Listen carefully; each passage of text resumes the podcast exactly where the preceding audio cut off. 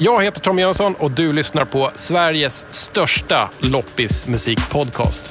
DJ. I varje avsnitt så träffar jag en härlig musikgrävare som har fått en liten, liten, liten, liten budget av mig för att plocka ihop en bukett bestående av fem knastriga och crunchiga loppisvinyler. Men idag är gästerna faktiskt två, om jag inte ser dubbelt. Välkomna herr eh, Boman och herr Ullsten. Eh, ni är Motormännen. Det stämmer. Förklara lite, vad, vad, är Motormännen? Vi gör eh, techno med, med samplade gamla folkhemscitat i kan man säga. Varför det? Varför inte? Det är ingen som har gjort det innan, vad vi vet i alla fall. Ehm, Vi ville, vi ville bli kända. Vi var inte alls kända från början, så ville vi bli kända och då eh, läste vi lite managementlitteratur som handlar om att antingen producera low cost eller nischat. Eh, och eh, vi såg till att nischa oss. För först gjorde vi bara run of a mill standard instrumental techno. Det kommer man inte komma så långt med. Det är väldigt många andra som är inne och jobbar i det den är väldigt genren. många som gör svår techno hemma. Ja. Lägger man lite roliga samplingar på svår techno så blir det en ny grej. Jag tror jag fattar liksom businessmodellen. Grejen är att den funkar ganska bra på mig. Jag googlar ibland och YouTube-söker på trista klipp. Klipp från tiden då allting i Sverige var beige och grått. Och en dag så hittade jag en, en grej som jag tror handlade om datorisering. Och då snackar vi liksom inte hemdatorer, vi snackar stordatorer med så här stora bandstationer. Och det var en låt som ni hade gjort med en jättefin video med bara tråkiga, muggiga bilder från Sverige på 70-talet där alla är rädda för datoriseringen. Och liksom lite härligt ödsligt ekande techno med de här alltså fantastiska röstsamplingarna som jag gissar kommer från tv-program. Statistiska centralbyrån har en gång räknat fram att 90 000 arbeten Precis, det, det, det är en fantastisk eh, period i, i Sveriges historia där man var oerhört rädd för allting. Alla möjligheter som fanns med datoriseringen och hur många arbeten det stal. Vi hittade några mycket vackra klipp där från SVT Dokumentär. Som den andra konceptlåten vi gjorde. Det var väl då vi snöade in mer mot det, liksom det, det social, det realistiska eller social, socialdokumentära Ja. snarare än det kanske lite mer eh, motor, motor eh, fokuserade temat i den första låten. Ja. Moralpanik och auktoritär moralpanik, det är ju oerhört roligt. Det gillar ni. Men då undrar jag så här, varför vill ni så gärna göra liksom, musik som på något sätt handlar om det som Filip och Fredrik kallar för DDR-Sverige? Det är ju det Sverige som vi växte upp i. Mm. Eh, Sverige förändrades ju väldigt mycket på den tiden när vi blev en del av världen och framförallt så är det oerhört roligt så här i efterhand hur rädd man var för Allt det är nytt. nya. Rädd och fascinerad för allt som var nytt. Videovåld och datorer. Mobiltelefoner och satellit-tv. ja, reklamradio. Vilken är liksom perioden som ni gräver i? Så, nej, 76 till 91 är ju det vi har gjort, gjort dem. V- Vad hände Men, 91 eh, som var så? Räntan var 500 procent. Vi snackar alltså den här stora krisen liksom som, som egentligen på något sätt slog ihjäl det gamla sosse-Sverige. Alltså, du, det gick inte längre att ha en, eh, en fast kronkurs. Nej. Och eh, det gick inte längre att eh, politiskt dikta, diktera hur räntebanan skulle gå på det här sättet. Det var då vi fick en, det var väl då vi fick en, en fristående riksbank va?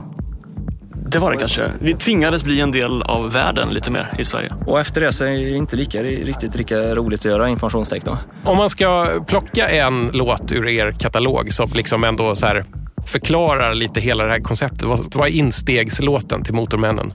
Ja, Instegslåten borde väl vara Dagslåneräntan va? Dels för att det är en radiohit och för att den är väldigt så träffar rätt i det eh, dokumentära och det politiska i det. Perfekt, jag har en uppcuad här så vi kör en liten bit på den. Det hade varit en torr och het sommar i Sverige när regeringen samlades här på Harpsund. Marknadsräntorna steg, börsen sjönk och vad alla väntade på var att ekonomin skulle vända uppåt igen.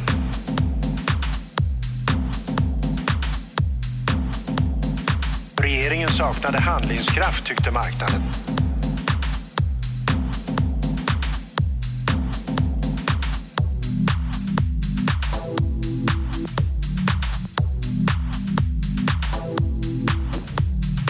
Så höjde Riksbanken dagslåneräntan till 24 procent i ett försök att stoppa till det svenska valutautflödet.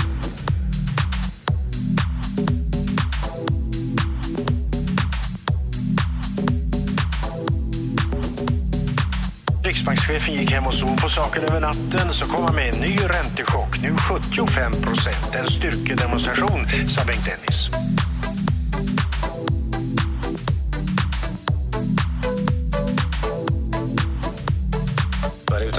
Tillbaka till Sverige. Igår hade vi ett utflöde. Vi har vänt flödena.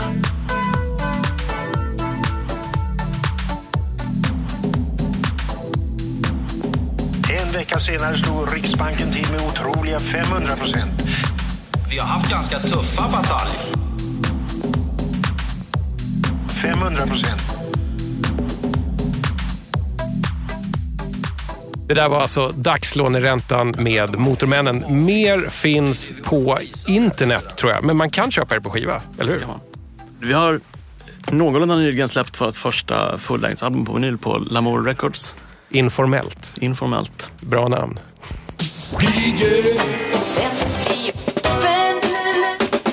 Nu ska det egentligen handla om eh, loppisvinyl, det finaste vi har om, om man frågar mig i alla fall. Hur ser ert förhållande ut till sådana här 10 kronors skivor från en random svensk loppmarknad? Jag har ju gått och plockat väldigt mycket sånt där förr i tiden när man var student. Alltså när det var eh, en så här en gång om året lyx att köpa en eh, ny Deep House-vinyl för 89 kronor. Då var det ju, eh, alltså det var alternativet var ju, men man ville ha, jag ville ha skivor hemma. Så då fick man gå och plocka så här fem kronors eh, Donna Summer och, och Alphaville. Mm. Alphaville ska jag i och för sig betala mycket mer för, men säg Howard Jones eller något liknande. Mm. Ullsten då?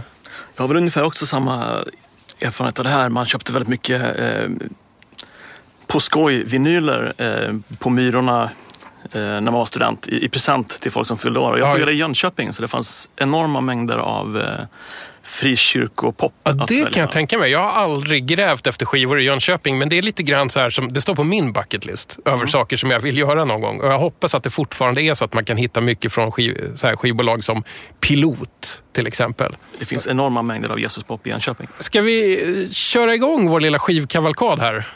Jag tänker att första genren för idag skulle kunna bli eh, Random Access Vinyl.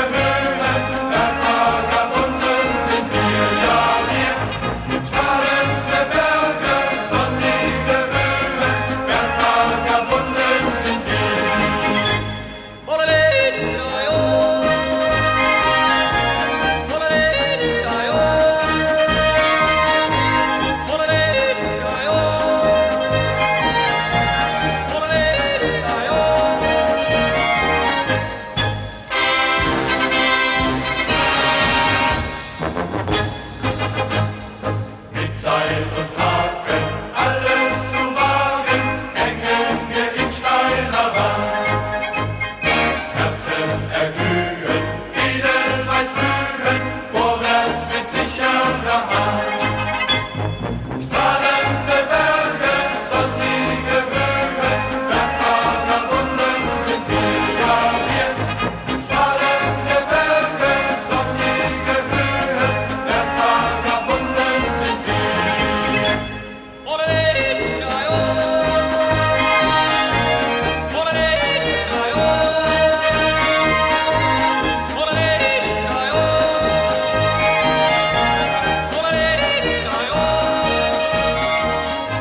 Ja, kära motormän, vad är det vi hör egentligen?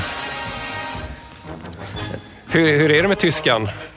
Skoltyskan har vi inte övat så jättemycket på inför den här sändningen kanske. Jag gillar ju att svänga mig med tyska. Det här var alltså eh, från albumet Jubiläumsparade, 20 Jahre Stabsmusikkorps der Bundeswehr. Och vi lyssnade, tror vi, på någonting som heter Treue Bergvagabunden. Och det var väl därför de joddlade, gissar jag mig på. Det var väl någonting bergigt med det här. Mm, och det var ju härligt att inleda ståndsmässigt. Ja, verkligen. Vad, vad, vad kände ni när ni hörde det här? Fick ni liksom så här, eh, rak rygg och lite sprätt i steget?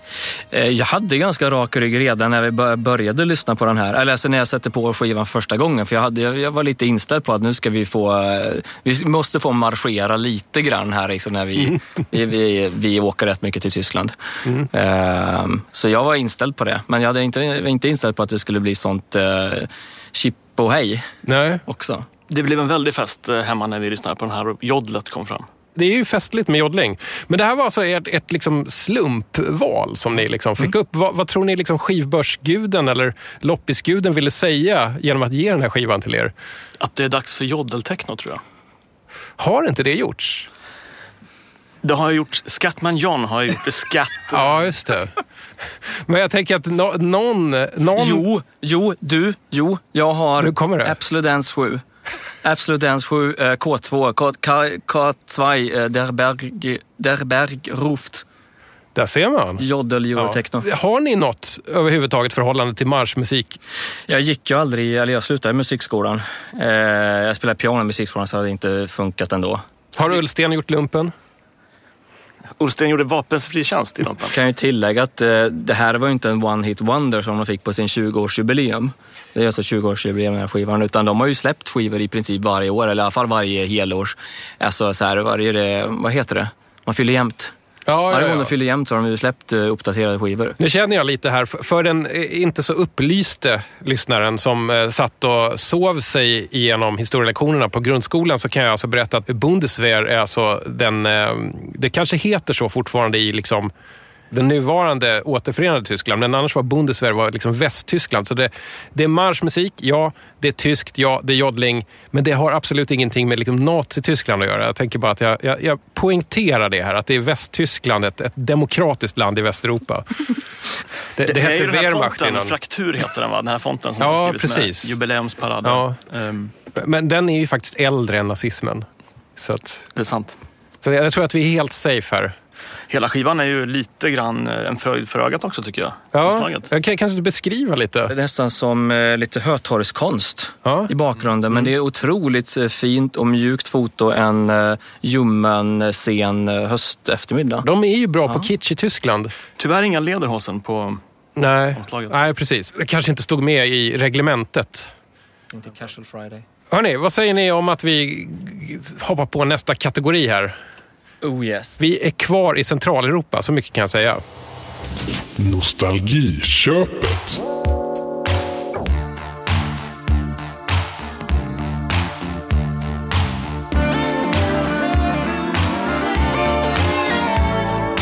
If you're blue and you don't know where to go to, why don't you go where fashion sits? Putting on the ritz. Different types who wear a day coat, pants with stripes and cutaway coat, perfect fits. Putting on the ritz. Dressed up like a million dollar trooper. Trying hard to look like Gary Cooper. Come, let's mix where Rockefellers walk with sticks or umbrellas in their midst. Putting on the Ritz. Putting on the Ritz.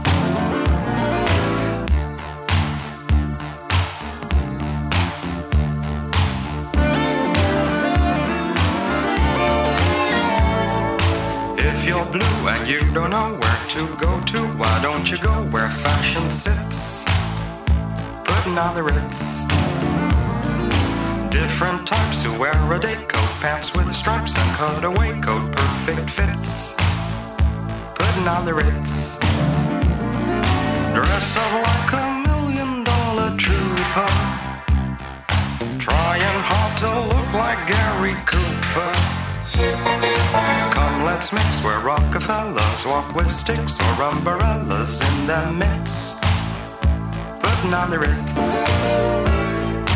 Have you seen the well-to-do up and down Park Avenue on that famous thoroughfare with their noses in the air? High hats and arrow collars, white spats and lots of dollars, spending every dime for a wonderful time. If you're blue and you don't know where to go to, why don't you go where fashion sits? Putting on the Ritz. Different types to wear a day coat, pants with stripes and cutaway coat, perfect fits. Putting on the Ritz. Dress up like a million dollar trooper. Trying hard to look like Gary Cooper. Let's mix where Rockefellers walk with sticks or umbrellas in the midst. Putting on the Ritz. Putting on the Ritz.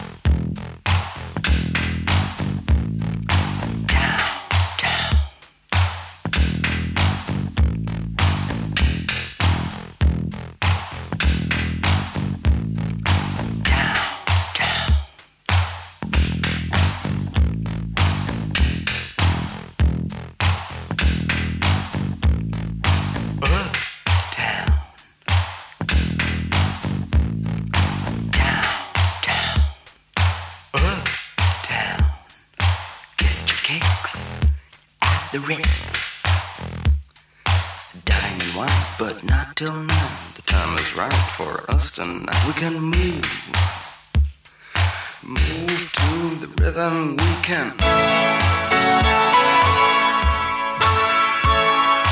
move,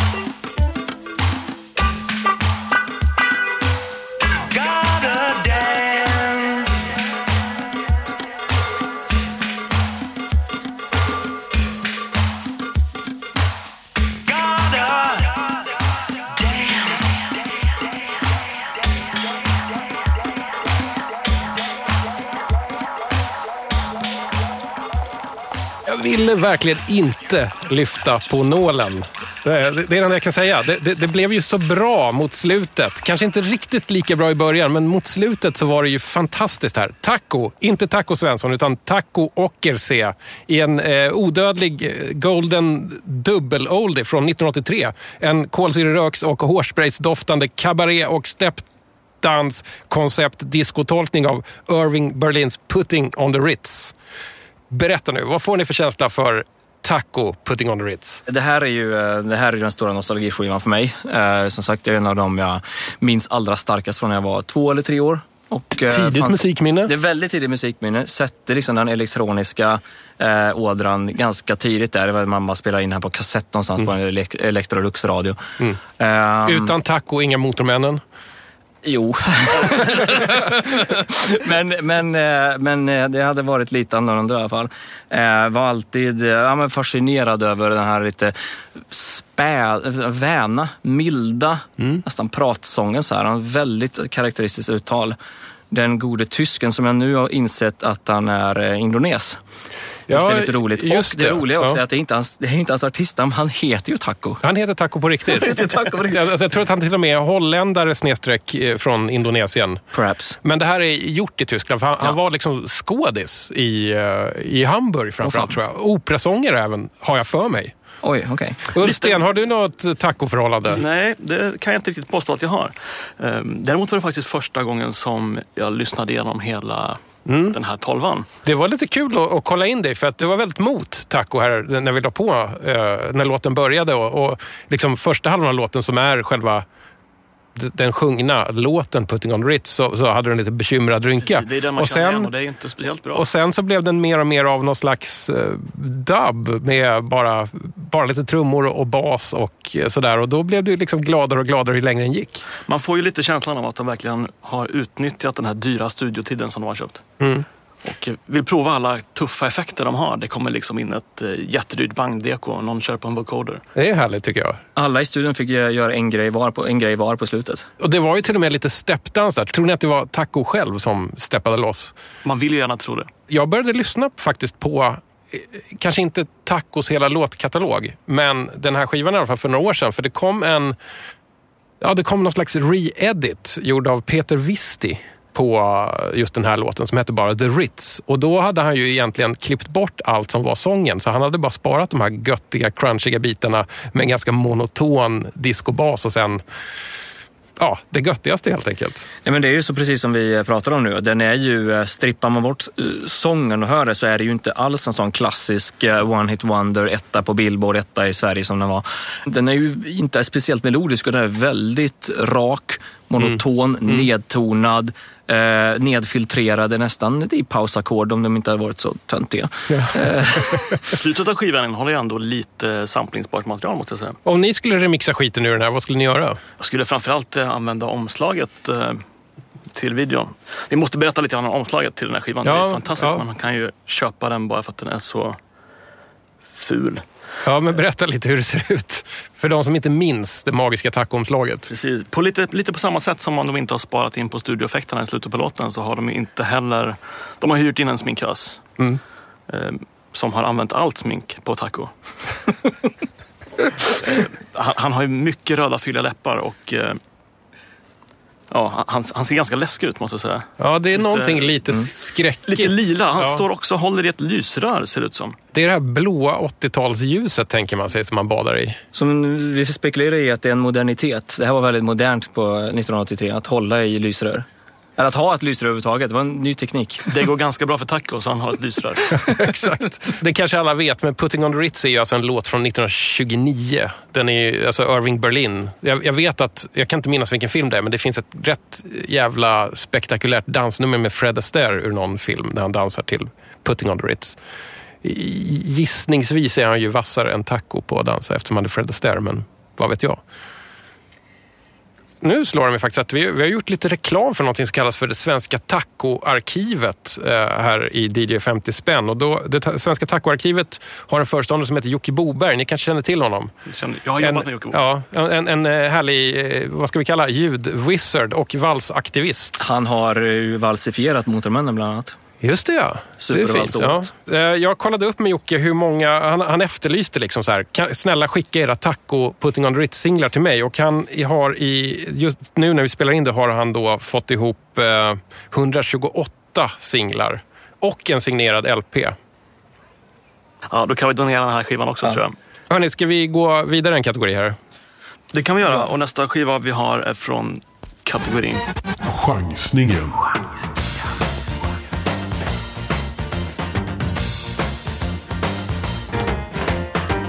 Lover, please,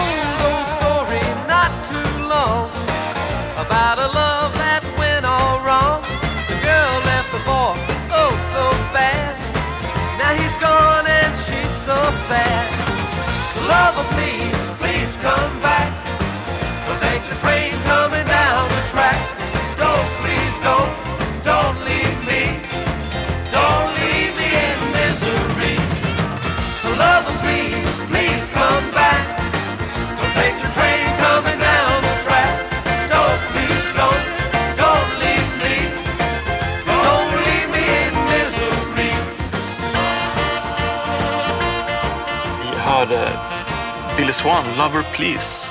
Från Billy Swan, LPn som heter... I Can Help som är hans lite One Hit Wonder. Eller lite och lite, det var väl hans One Hit Wonder. Ja, precis. En, en jättehit från 1974. Den här, Lover Please, heter den så? Har jag nog aldrig hört förut. Mm. Nej, och det är ju inte så lustigt eftersom den är väldigt, väldigt dålig. Ja, ja det, ni är ju väldigt tydligt anti Billy Swan här som ni har tagit som chansning. Så jag undrar ju, var, varför chansade ni på Billy Swans Det eh, är ju ett skiva? fantastiskt fint eh, omslag där Billy Swan har lite, som en ordvits, en svan i ett badkar på framsidan. Oerhört snyggt. Och på baksidan så flyger svanen iväg. Ja. Och det här relaterar vi lite till den här fantastiskt roliga händelsen på Kungsholmen där det var en kvinna som samlade på svanar. Hon hade 14 svanar i sitt badkar. Va? Ja, här, alltså, jag vet inte, rolig, rolig. Jag tycker att det låter farligt och lite tragiskt, ärligt talat. Jag vet inte, Inte och- så tragiskt som Billy Swan. Okej. Jag, jag tror inte Billy Swan kommer lyssna. Vad, vad, vad är problemet med Billy Swan nu när vi har hört en låt här? Ja, vad ska man säga? Man, man minns ju inte ens låten och kan ha ett fantastiskt eh, citat här på baksidan som vi ska be... Boman. It has been said by many in the trade that Billy Swan is a cross between a country Ringo Starr and Elvis Presley. I don't think this is true. To me, Billy Swan is Billy Swan. Ja, när det sägs av många in the trade som icke är namngivna, då är det kanske inte så tunga namn som säger det. Men, Vi tror att det är hans mamma och eh, kanske eh, road manager, eller vad heter det? Ja, band manager, som är typ samma. Det är hans mamma. det, Och eh, någon stackare som investerat pengar i den här skivan som kanske är hans mamma. men jag tror att den som investerade pengar i den här skivan fick nog ändå tillbaks den. För att den är ju väldigt, väldigt vanlig den här. Jag, jag, Däremot den som investerade i den här skivan måste ha blivit mycket, mycket missnöjd. Jag vet i alla fall singeln sålde väldigt mycket, men jag har sett LPn väldigt mycket. Så jag, jag utgår från att den var vanlig. Vi har googlat men det står ju knappt någonting. Det är, han, han, var, han har varit bandmusiker tror jag i, i något mm. till Shania Twain eller någonting så här. Jaså? Han, släppte, ja, Men, eh, ja, alltså, han fick vara med på någon så här stu, studiemusiker. Han fått varit med på något, något hörn här och där. Han har faktiskt alltså, skrivit en del låtar som är inspelade av andra liksom, countryartister Ah, okej. som Conway Twitty och uh, Waylon Jennings och sådär. Och sen har han, på något sätt, jag vet inte hur, har han jobbat för liksom, Graceland. Alltså själva fastigheten Graceland. det, det är hans, det är hans sommarjobbat på Graceland och så är det hans arbetsgivare som har skrivit citatet.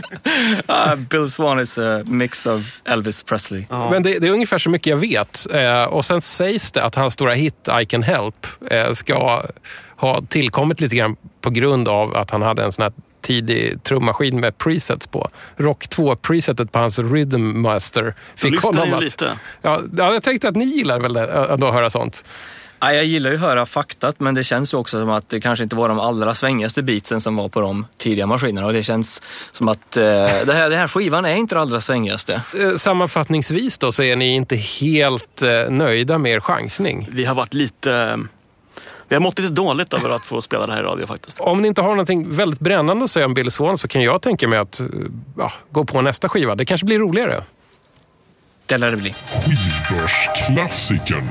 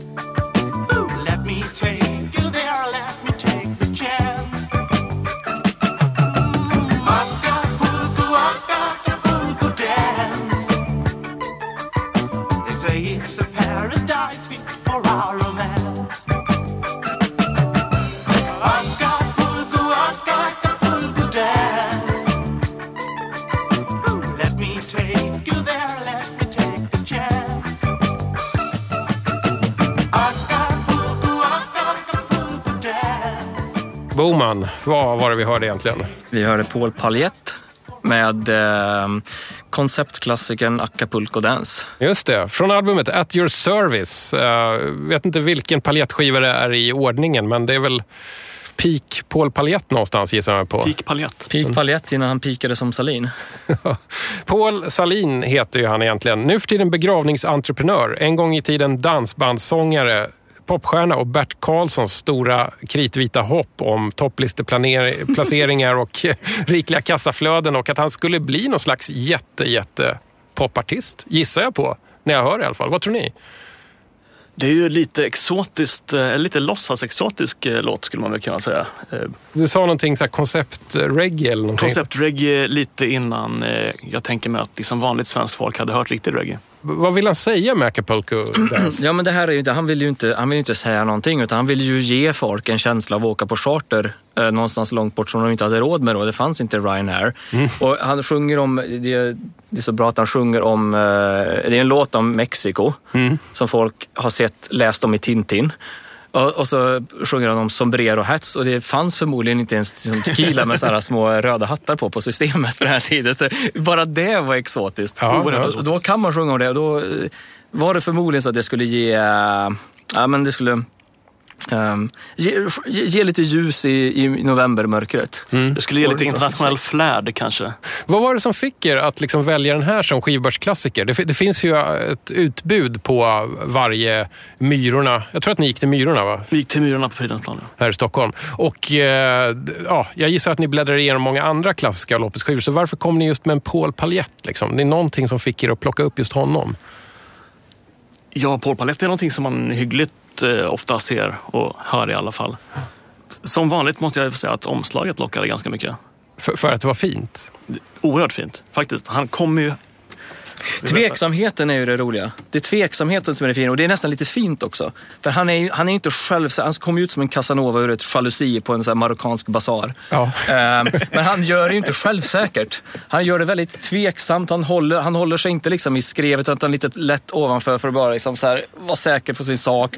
Han har ett hårigt bröst men det är inte så hårigt. Det är bara lite hårigt. Ja, lite men jag ser vad du menar, för även om man En vänder lätt på... erotisk blick. Ja, jag ser att även om man vänder på, på omslaget så är det också lite så här obekvämt poserande. Han står i någon slags liksom lite tuff pås med händerna på, på höften och Ja, fingrarna lite pekar att- liksom lite mot skrevet. Men det är ändå inte så här, det är Nej. inte gjort med 100% i erotik. Nej, det är, lite som att, det är lite som att det är hans föräldrar som har fotat och sagt åt honom att se, se sexig ut nu. Och det blir, det blir, då blir det den stilen. Ja, baksidan är fantastiskt. eh, Eh, Så jag skulle inte berätta lite om att vi har ett, eh, ett unikt ex i vår hand. Det är ett unikt ex. Det är faktiskt signerat av eh, Av Paul, Paul själv. Palette. Det här kan ju vara värt pengar alltså. Tio spänn. Minst. Jag blir nästan mållös här. Vet ni någonting mer om, eh, om Paul Paljett, Paul Salin?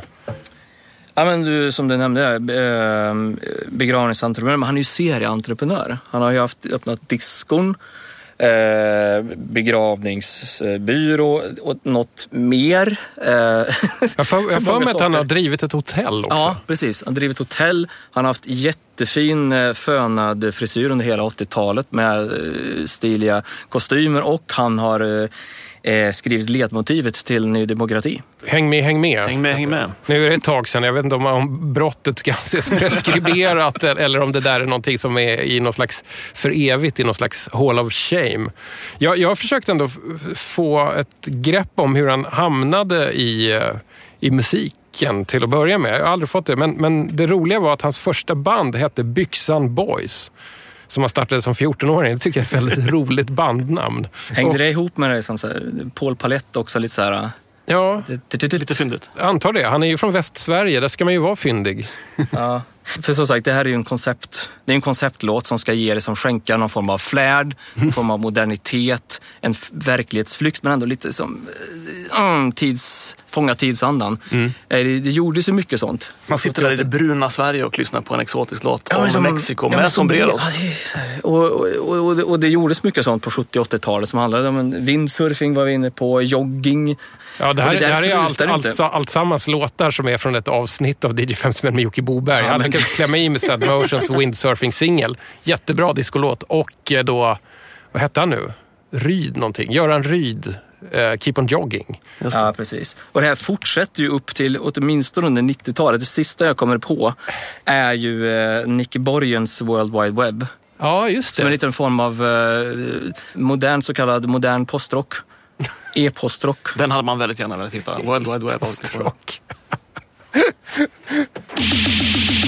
Vänner av Loppets musik måste naturligtvis lyssna på Nevergreens, programserien om 80-talshitsen som aldrig slog. Banden och artisterna som trots goda förutsättningar aldrig fick något genombrott. Låtarna som låter som klassiker men som ni aldrig hört förut. Fjärde säsongen rullar just nu på nevergreens.se. Där lyssnar vi på listfloppar och röstar fram en postum hitlista tillsammans. Välkommen till skivhyllornas dammigaste hörn på nevergreens.se.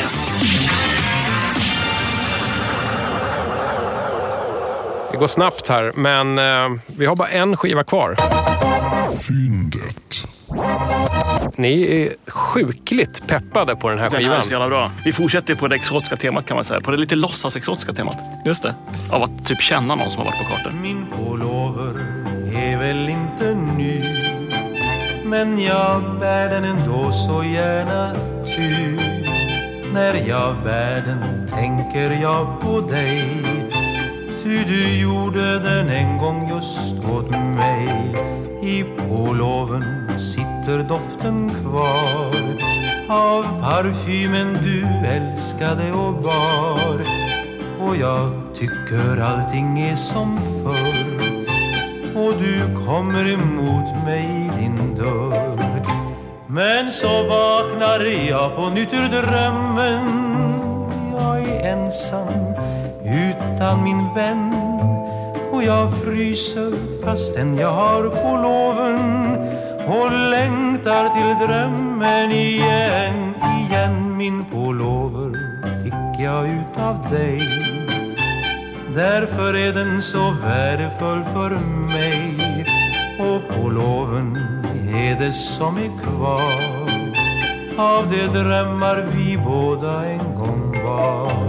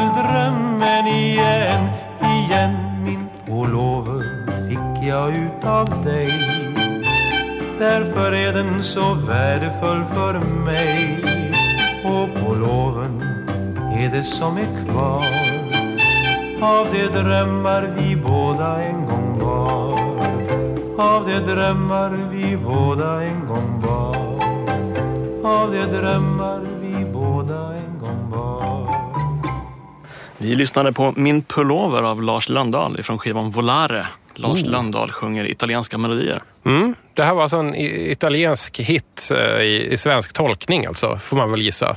Det får man gissa. Vi har inte hört originalet så vi vet inte vad den egentligen handlar om. Men jag gissar att det inte är pullovers. Ja, säg inte det. Säg inte det. Men här- alltså, varför är det här fyndet för er? Det här är ju bra på så många olika nivåer. Det här är ju liksom både... Han har en gammal pullover fast den fortfarande värmer. Det är liksom, du ska inte förhäva dig med att tro att du kan bli bättre av att köpa en ny pullover. Och det är också, för att fortsätta det exotiska temat från Paul Palette, det är också lite känslan av att känna någon som har varit på charter i Italien. I alla fall. ja, just det. Och också att ha någonting, eh, att han har ändå något så modernt som en, en tröja på engelska. Vilket förmodligen var rätt modernt på 50-talet. Jag tror inte det fanns så många pullovers långt innan det. det fanns Är det med. lite 50-talets motsvarighet till lysröret på tacoskivan? Det kan mycket väl vara. Det är, det är en väldigt bra teori. Alltså, vem är Lasse Lönndahl för er? Jag, jag vet Någon- väldigt lite om honom. Det visste vi också innan vi läste Flashback. Oj, oj, oj, oj. Eh, Jag hoppas att ni hade någon slags här källkritik med er. Det finns alltså en skvallertråd om Lasse Lönndahl på Flashback. Det kan eventuellt vara så. Ja, han det som kan... hade en moster som kände Lasse Lönndahl på ett speciellt sätt hade ändå postat rätt många gånger på Facebook. Så det var ju förmodligen en mer trovärdig källa än många andra. Nej men alltså, sant. han... eh, Det går ohyggligt många historier om denna här, häradsbetäckare av rang som, som många people in the trade Ja. uttrycker sig om honom. Och med tanke på att han var ändå, alltså, det här det visste jag inte om, att han var Sveriges eh, populäraste sångare enligt Aftonbladet i tio år. Nästan tio år i rad. Ja, Med just det. 50-60-talet Ja. och fram till 70-talet. Och han, alltså, han har ju varit ute i varenda folkpark 12 gånger om. Alltså Ja. han har ju mött och skapat generationer, får man väl säga. Ja, det, ni tror att det kan finnas flera ättlingar där ute? Är det det du It has antyder? been said by many people in the trade. Ja, som sagt, vi, eh, vi går på eh, någon slags andrahandsuppgifter här. Men, men okej, Som sagt, eh, Sveriges, landets absolut populäraste sångare. Men det var ändå tydligt så att det var, det var bland kvinnor han var omtyckt. Och det står till och med på Wikipedia att han inte var speciellt omtyckt av män. nu när vi sitter här 45 eller nästan alltså 50 år efter att låten har spelats in, vad är det som är bra med Lasse Lundahl? Varför funkar det här så jävla bra? Lenheten, det, är ju, det här är en hyfsat skrapig skiva. Det, är, det är inspelad med i, i princip i bara diskant och det är ändå en eh, ganska skön, ja, det är en mjuk, len sammets och bojröst som liksom Ja, jag väver ut. Jag faller mest för texterna faktiskt på den här skivan. Ja. De är lite lagom exotiska Ja. så att man skulle kunna klara av det liksom när de släpptes. Det är inte Ja, riktigt så här eh, windsurfing eh, exotiskt utan det är lite mera pullovers och resor till eh, inte allt för främmande länder. ja, men typ fortfarande inom Europa kan man gissa då. Men du, Kol och stålunionen. Apropå översättningarna, står det någonting på, på skivan eller på låtskrivar-credits vem som har skrivit, alltså översatt till svenska texterna? Står det några namn där? Ska vi se. Nej, men vi vet vem som har sammanställt LPn. Lars von Berlepsch. Lars von Berlepsch har sammanställt LPn. Eh, nej, men jag tror att det här är, jag fattar inte riktigt det först, men det här är tydligen en, en, ett eh, samlingsalbum. Mm, just det, Det är alltså precis. inte en... Den Det, är inte, det är inte en originalplatta helt inspelad mellan 57 och 61. Nej men du, här, här står det, så här blir det. Original Miglacci Mechas Rosner och översättare Bens musik. Jaha, det är bara något. Eller nej, är det är förlaget? den är utgiven Det är förlaget. Det, det mest kryptiska namnet på den här skivan är ju annars alltså, ljudteknikern, Rune Andreasson. Precis. Är det han som tecknade Bamse eller är det inte det? Vi Jag- låter det vara osagt. Jag har ingen aning. Man vill ju gärna att det ska vara så. Att det ska finnas en connection mellan Lasse Lönndahl och Bamse.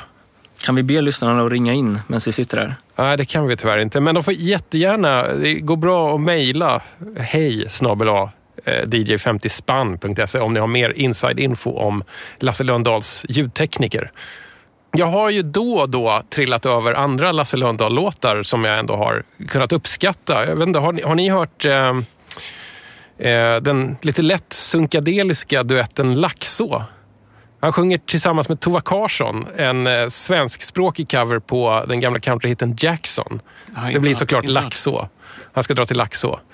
Ja, ja okej. Jag tror jag tänkte på gruppen Laxo. Okej, utan Laxo. En annan lite sådär light sunkadelisk som kanske klaffar lite med vad vi pratade om här nyss är ju eh, en hyfsat känd låt som heter Vårens flickparad. men på riktigt. Det var, var det det han sa när han skulle åka ut på turné? Ja, men det, alltså det är en låt som handlar om att så här, sitta på stan och spana på tjejer. Eh, och eh, till exempel en fantastisk roll som aldrig kommer försvinna ur mitt huvud är ju alltså, någonting, han sjunger någonting, hm, hm, vår primörer till glädje för stadens flanörer. Det är Vi, fantastiskt. jag tror vi måste spela en låt till. Vi måste spela en låt till, för det, Ja. finns, mer om, det finns mer glädjefröjd. Ja. Det finns oerhört mycket mer glädje för på den här skivan. Ehm, All right, vi, vi kör ett bonusspår här med Lasse Lönndahl. Från Lasse Lönndahls platta med italienska melodier. Är, är det den här Neapel-låten ni är ute efter? Ja. Precis. ehm, En grabb i Neapel.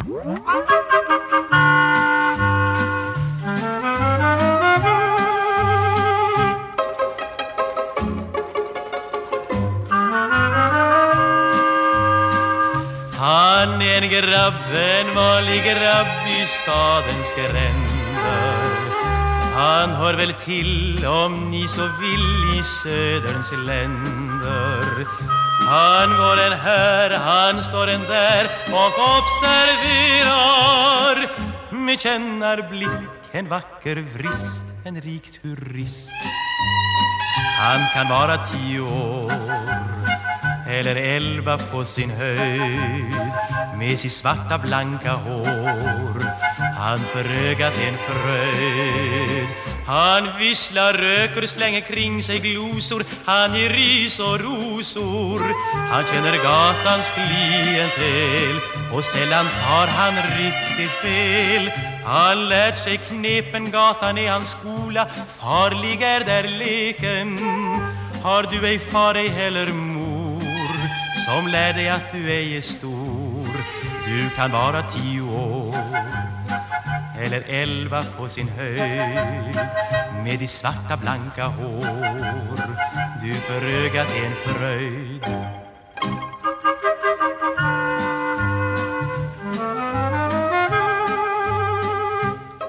Jaha, vad, vad var det här för låt nu då? Det var någonting om Neapel. En grabb i Neapel. En grabb i Neapel. Den här var tragisk, tycker jag. Mm. Och eh, svårtolkad. Ja, kanske. V- vad får du för, liksom, vad säger den här låten dig? Jag tycker vi lämnar till lyssnaren att, att, att tolka vissa bitar av den här låten i alla fall. Mm. Men det, alltså, jag tyckte att det innehöll liksom kanske lite mer svärta än vad jag hade kanske väntat mig av en Lasse Lönndahl sångsamling. Det var inte riktigt den här eh, skojfriska charterkänslan i alla fall. Nej, verkligen inte. Där fick man se liksom den svarta sidan av stadslivet kanske. Ja, nej, nej nu, blir, fan, nu tappar jag stämningen helt. Men kolla du vad Lasse Lönndahl kan göra med, med en vuxen man. Ja. Att liksom bara så här suga luften och livslusten ur någon. Vilket Sådär. Ja, han sjunger, så, han sjunger Ja. ju så lent om det här. Det hade ju varit en annan sak om till exempel Trent Reznor hade sjungit om eh, tioåriga gatpojkar Mm. som har lite så här, ah, farliga relationer med rika turister. Ehm, men när Lars Lundahl gör det med ett sånt här eh, uttal, Ja. då... eh, Det blir lite läskigt. det blir läskigt. Eh, han har ju ett fantastiskt spektrum här. Ända ifrån pullovers till en grabb i Neapel. Ja, jag, jag hade aldrig tänkt mig att Motormännen skulle komma hit med en Lasse Lönndahl-skiva som nästan skulle blåsa skallen av mig, men det, det gjorde det nästan. Jag, jag, jag tror att jag förstår Lasse Lönndahl lite mer nu faktiskt. Ett annat plus i kanten för Lasse Lönndahl är, nu kommer lite Wikipedia-kunskap, men att han gillade att köra eh, den gamla fina sportbilen Saab Sonett. Det känns väl ändå väldigt Lasse Lönndahl? Det känns oerhört eh, kontinentalt 60-tal fast ändå inom Sveriges gränser. Precis. Eller hur? Ä- Ändå liksom byggt i Trollhättan. Ja, ja, ja. Det, det är Ja. fint. Precis. Man kan åka runt där och känna att man är på väg till Rom. Om man har ett par dagar över. Uh, hörni, så här, vi, vi är nästan klara för dagen. Jag, jag undrar lite hur, hur det var för er två personer. Det har aldrig hänt förut, tror jag, i, i DJ 50 spänn i ett vanligt avsnitt, att två personer har samsats om att köpa fem skivor för en 50-lapp. Hur, hur kändes det för er att plocka ihop en loppis-vinylbukett efter så stela regler som jag gav er? Det var ju hyggligt svårt utbud där vi valde att köpa skivorna på. I, i, inget fyndställe alltså? Inte riktigt. Ja, men det är svårt med Stockholms innerstad alltså. Alltså, det Det- var tuffa var väl att hitta, försöka följa genrerna. Alltså, eh, prismässigt var det inte några större problem. Ehm, Vi var på väg att göra en stor investering där och mörka priset. Jaså, vad var det för stor bli- investering? Ja, Det var ju en revyskiva med, eh, med ekivoka ord i titlarna. Det tänkte det här kommer, det här blir ju, det kommer ju episkt, men det var inte så himla roligt faktiskt. Så- Vi hittade också en skiva som inte visade sig vara en skiva. Så- Ifrån eh, Statistiska centralbyrån. Men, men vad då var det förpackat i ett skivomslag? Det var förpackat i ett skivomslag men det innehöll en undersökning. Om höginkomsttagares konsumtionsvanor. Wow. Varför köpte... det hade inte gått att spela förstås, jag- det glömde jag. Men jag, blev ju genast intresserad här. Men Det hade ju passat väldigt bra till Motorman faktiskt. Mm. Vi hade nästan velat köpa den som samplingsmaterial om det var en skiva. Man kunde vinna en skiva. Vi köpte den i alla fall. Vi köpte, vi köpte den ju trots att den inte är samplingsmaterial. Ja, men inspirationsmaterial. Ni kan väl skriva av det som inspirationsmaterial sen när ni gör årsredovisningen? Eller, eller vad man heter, bokslutet. Verkligen. Har ni lärt er någonting av de här skivorna som eh, ni hade med er?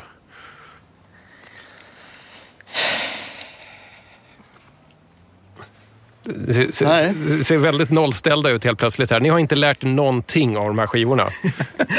Lars Landahl har ju lärt oss lite grann om, om, om livet kan man väl säga. På den mörka sidan. Om man skulle liksom försöka ansöka om att bli medlem i Motormännen, vad, hur ser liksom kravspecifikationen ut? Ja, man måste gilla folköl. Det, det är liksom etta på prio-listan. Och Youtube. Man måste ha en YouTube. väldigt konstig Youtube-historik. Eh, Youtube har ju en funktion som, som rekommenderar dig klipp beroende på vad du har tittat på. Mm. Och eh, när vi gör research så får jag stundvis väldigt mycket konstiga eh, förslag efter att ha kollat på bara gamla nyhetsklipp. Så, och, så, så eh, det är som en så evighetsmaskin. Det kommer bara liksom komma ännu märkligare Lite grejer. så. Jag brukar ibland fråga så här, ert bästa 10 kronors vinylfynd. Men vi ändrar lite på den. Bästa YouTube-fynd. Det man ständigt återkommer till är ju på något sätt är ju ändå alltid eh, när Karl-Ingmar Perstad säger att eh, vi har hamnat i Östtysklands Detroit. Sä- Säger han det i ett avsnitt av, av programmet eh, Trafikmagasinet? Precis, och det, det är ju också på det som våran första Motormännen-konceptlåt, Bilens hemland, bygger. Vi Hela vår finns lite på grund av att det citatet finns. Herr Boman, herr Ullsten från Motormännen. Ni har alltså tagit med er fem skivor köpta för en 50-lapp som ni snart ska få av mig. Man får alltid utläggen betalda här. Jag är väldigt, väldigt glad för det. Jag tyckte det var en intressant bunt som ni hade med er. Men det är så här, ni ska inte gå härifrån med tomma öron. Tack för musiken och håll i de små mössorna nu för nu åker vi. Jag har ingen aning vem det här är. Nej, han, han, han, han är inte lika vanlig.